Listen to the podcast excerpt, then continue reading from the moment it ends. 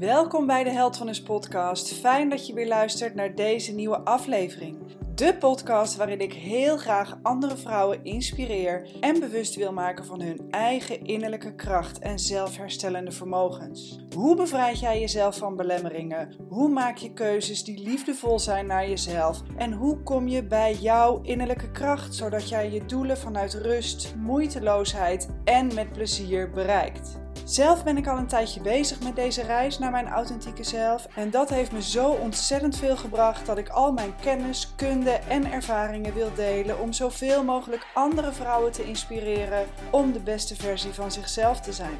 Naast het delen van gratis inspiratie op deze podcast doe ik dat zowel door één op één transformatietrajecten als door mijn online groepsprogramma's waarin ik jou alle tools en methodes aanreik om jezelf te bevrijden van de belemmeringen die instaan tussen jouw dagelijkse realiteit in het nu en de dagelijkse realiteit die jij voor jezelf graag wil realiseren. Laten we beginnen. Fijn dat je er weer bent. Dankjewel dat je weer luistert naar de Held van deze podcast. En vanmorgen sprak ik met iemand en die zei: Oh ja, het had uh, wel lang geduurd voordat je weer een podcast gepost hebt. En uh, nou, dat klopt. En misschien uh, geldt dat voor jou ook wel. Ben je een trouwe luisteraar? Dus ja, voor mij is het echt wel uh, fijn om te horen dat er mensen zijn die echt zitten te wachten op de podcast die ik maak. Klein stukje achtergrond voor jou. Um, ik uh, pers geen podcasten eruit omdat het moet of omdat het in mijn agenda staat. Um, omdat ik het belangrijk vind om echt geïnspireerd te zijn. En um, ja, ik laat als het ware een podcast tot mij komen.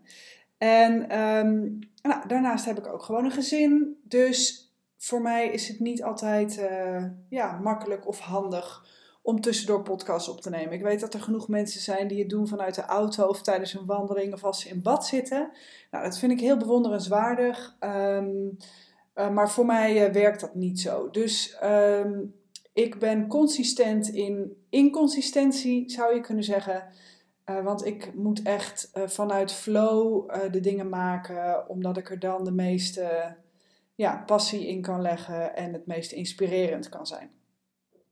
Nou, aan het einde van deze podcast weet jij meer over het onderwerp honger. Want niks is vervelender dan een hongergevoel. En als je mij al langer volgt, dan weet je dat ik geen fan ben van strenge diëten en eetschema's. Simpelweg omdat als die echt op lange termijn gewerkt zouden hebben, nu niet de helft van de Nederlanders te zwaar zou zijn. Het punt van diëten is, is dat het gericht is op de lichamelijke kant van afvallen. Dus als je zorgt dat je meer verbrandt dan je eet, dan val je af. Nou, die theorie klopt op zich wel, maar in mijn visie zien we echt een aantal cruciale factoren daarbij over het hoofd. Want bij verreweg de meeste mensen is het niet de kennis of de informatie die ontbreekt. De meeste mensen weten prima wat ze wel en niet moeten eten om op gewicht te komen.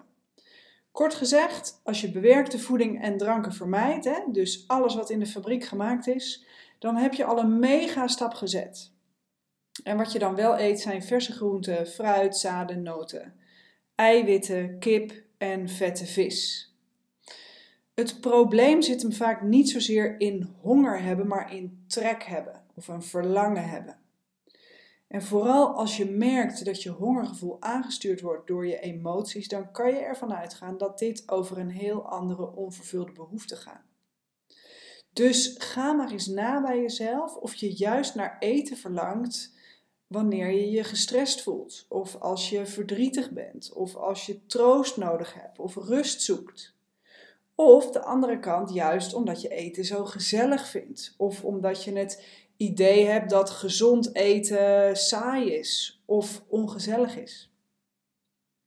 Nou, als je merkt dat emoties, hè, positief en negatief, als je merkt dat emoties invloed hebben op je eetgedrag, dan betekent dat dat je een onvervulde behoefte hebt met een emotionele oorzaak, waarvan jouw strategie geworden is dat je die behoefte vervult met eten. Hè? Dus eten is in dat geval een vaak tijdelijke oplossing voor een emotionele behoefte. En dat is ook de reden dat je best kan weten wat goed voor je is, maar desondanks kan je niet anders dan je vergrijpen aan eten. En dat komt omdat honger het probleem niet is omdat de onderliggende behoefte op emotioneel vlak zit. Nou, een ander ding is dat velen van ons inmiddels zoveel goeroes, schema's, diëtisten, adviezen en andere informatie tot zich hebben genomen, dat uh, daarbij een hele hoop tegenstrijdigheden, uh, ja, dat je daarbij een hele hoop tegenstrijdigheden bent tegengekomen. En dat je dus door de boom het bos niet meer ziet. En je weet dan niet meer wat je nou wel of niet moet eten, of je nou wel of geen tussendoortjes nodig hebt, of je nou mager of vetarm moet eten of niet. Hè? Er zijn ook nog steeds diëtisten die de schijf van vijf uh, uh, promoten als gezonde voeding. Dus op een gegeven moment weet je het gewoon niet meer. Dus daar ga ik geen schepje bovenop doen. Ik wil je alleen ter inspiratie mijn visie meegeven, zodat je het kan overwegen voor jezelf, hoe dat voor jou is. Want mijn visie is dat gezonde, onbewerkte voeding de basis is voor een goede gezondheid. Goede voeding ondersteunt een goede werking van de darmen en een sterk immuunsysteem. En de werking van je darmen hangt ook heel sterk samen met je emoties. Ze zeggen wel eens dat je buikbrein je emotionele brein is. En dat is ook zo. Dat hangt heel sterk met elkaar samen. Gezondheid gaat voor mij over een gezond lichaam en een gezonde mind. En dat betekent dat het voedend moet zijn wat je tot je neemt. Of dat nou fysiek of mentaal is. Gezonde voeding, gezonde gedachten, gezonde overtuigingen, gezonde gewoonten. Daar komt het feitelijk op neer. En dat is ook precies de reden waarom ik in mijn eetrustprogramma bijvoorbeeld de deelnemers leer om hun dieetmindset uit te zetten. Omdat dat een conditionering is die je niet heeft gebracht waar je wil zijn. En als je iets doet wat niet werkt, dan moet je wat anders doen. Voordat je je eetgewoonte kan aanpakken, stel dat je dat zou willen, moet je eerst de noodzakelijke voorwaarden creëren waarbinnen je dat ook moeiteloos kan doen voor jezelf. Want als je continu in strijd bent met jezelf of je hebt de hele tijd honger, daar word je niet vrolijker van. Daar voel je je niet lekkerder van in je vel. En dat werkt dus gegarandeerd tegen je.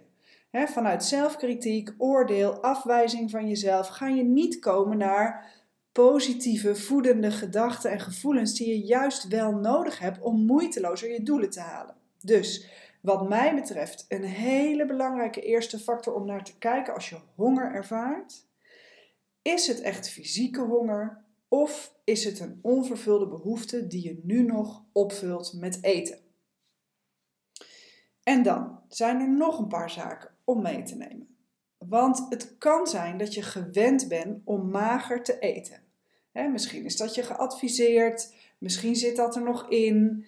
Ehm, misschien uh, is het jouw overtuiging dat dat goed voor je is. Een ander ding is dat je misschien niet de juiste voedingsmiddelen eet, waardoor je essentiële voedingsstoffen tekort komt. voedingsstoffen kom je ook tekort als je veel bewerkte of voorverpakte voeding eet. En dan kan je in volume wel eten, maar je bent dan ondervoed op gebied van essentiële voedingsstoffen. Je kan bijvoorbeeld een tekort hebben aan essentiële vetzuren. Het gevolg daarvan is dat je brein voedingsstoffen tekort komt, omdat je te weinig omega-3, EPA, A en DHA, vetzuren binnenkrijgt. En dan raakt je brein uitgehongerd. En wat doet je brein? Die laat jou dat weten door een hongerprikkel. En jij denkt dat je honger hebt en je gaat eten en heel vaak uh, grijp je dan naar iets snel, energierijks en suikerrijks. Dat doet niks voor je brein. Dus als je niet het juiste eet, krijgt je brein alsnog niet de noodzakelijke stoffen binnen. En blijft de, je brein die hongerprikkel afgeven. En jij blijft dus honger houden en jij blijft eten. En jij denkt, maar hoe kan het nou dat ik niet verzadigd ben? Maar dat komt omdat je niet voldoet. Je geeft eigenlijk niet je brein waar je brein om vraagt. Dus zorg daarom dat je voldoende omega-3 vetzuren binnenkrijgt. Super belangrijk voor je brein. Een eenzijdig voedingspatroon zorgt ook voor een tekort aan voedingsstoffen. Dus zorg dat je gevarieerd eet. Hè? Kies bijvoorbeeld drie favoriete ontbijten, drie favoriete lunches en wissel die met elkaar af. En dan is het ook zo dat een hongerprikkel heel vaak verward wordt met een dorstprikkel. Zorg daarom dat je minimaal anderhalve liter water per dag drinkt. Dus geen koffie, dus geen vruchtensap, water. Of kruidenthee, dat is ook oké.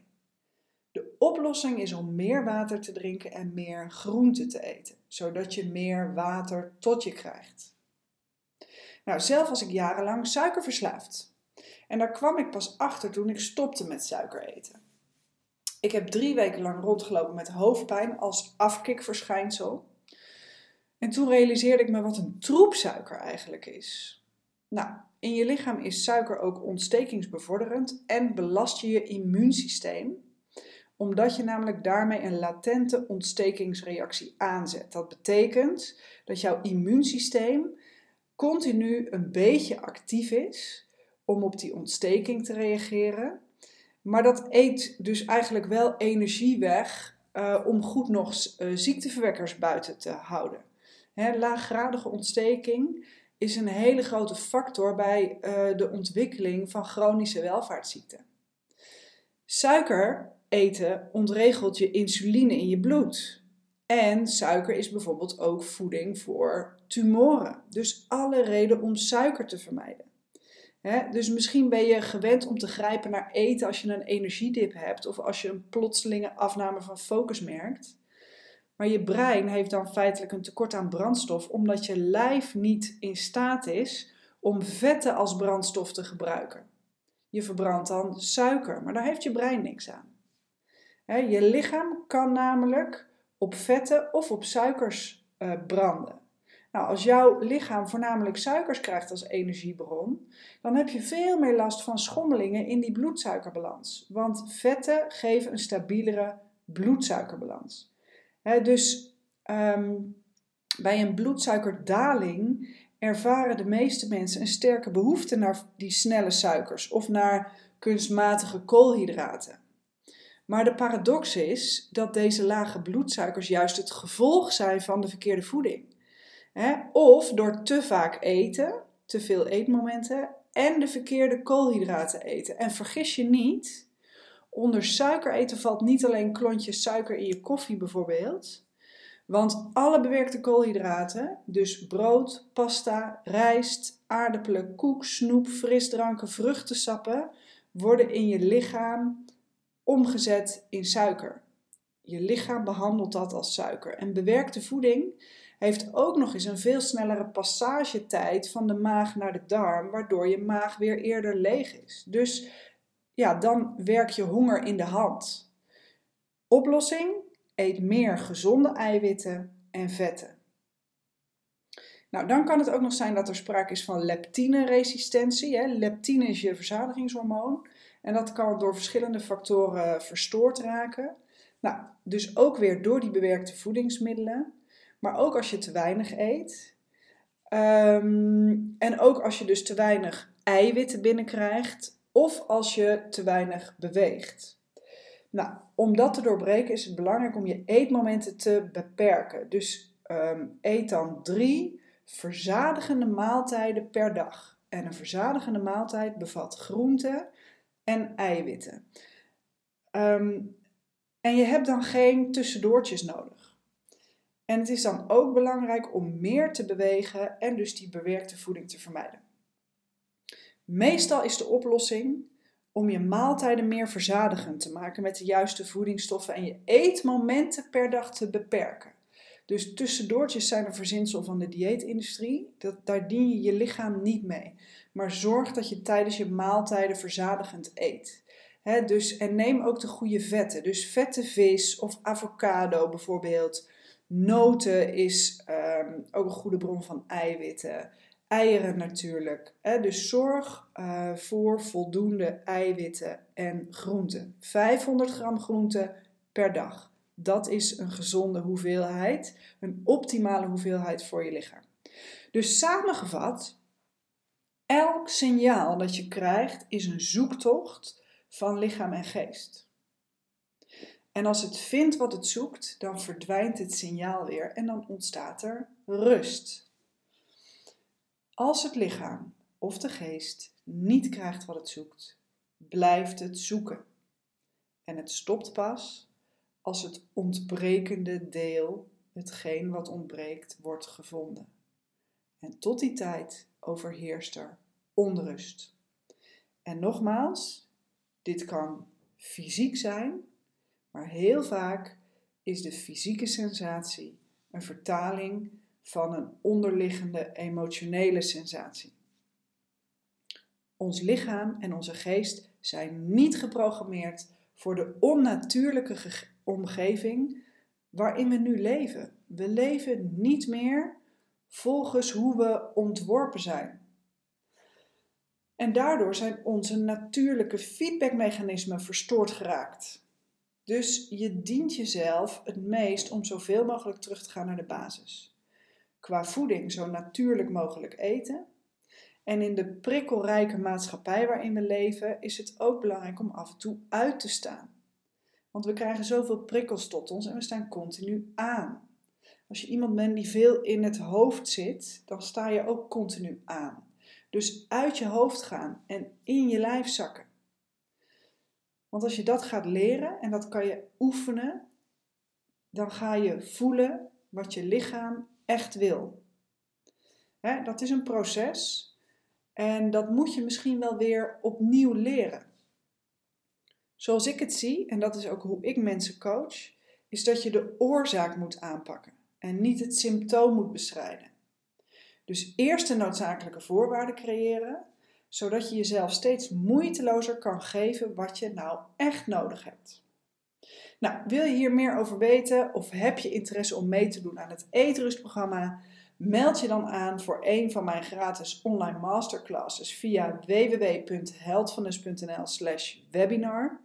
Daar ga ik nog veel specifieker in op de psychologie van eetgedrag en wat jij voor jezelf kan doen om je patronen te doorbreken. Dankjewel weer voor het luisteren. Ik hoop dat deze aflevering je heeft geïnspireerd en dat je er voor jezelf inzichten uitgehaald hebt. Een duurzame verandering ontstaat wanneer je in beweging komt. Ben jij er klaar voor om oude patronen te doorbreken? Wil je afrekenen met belemmeringen die jou ervan weerhouden om de beste versie van jezelf te kunnen zijn? Ben je bereid om van jezelf een prioriteit te maken? En wil je ervaren hoe krachtig je zelf bent door samen te werken met het onbewuste deel van jouw brein? Ga naar www.heldvanes.nl voor meer inspiratie en plan een belafspraak zodat we samen kunnen kijken hoe wij jouw innerlijke powervrouw kunnen bevrijden.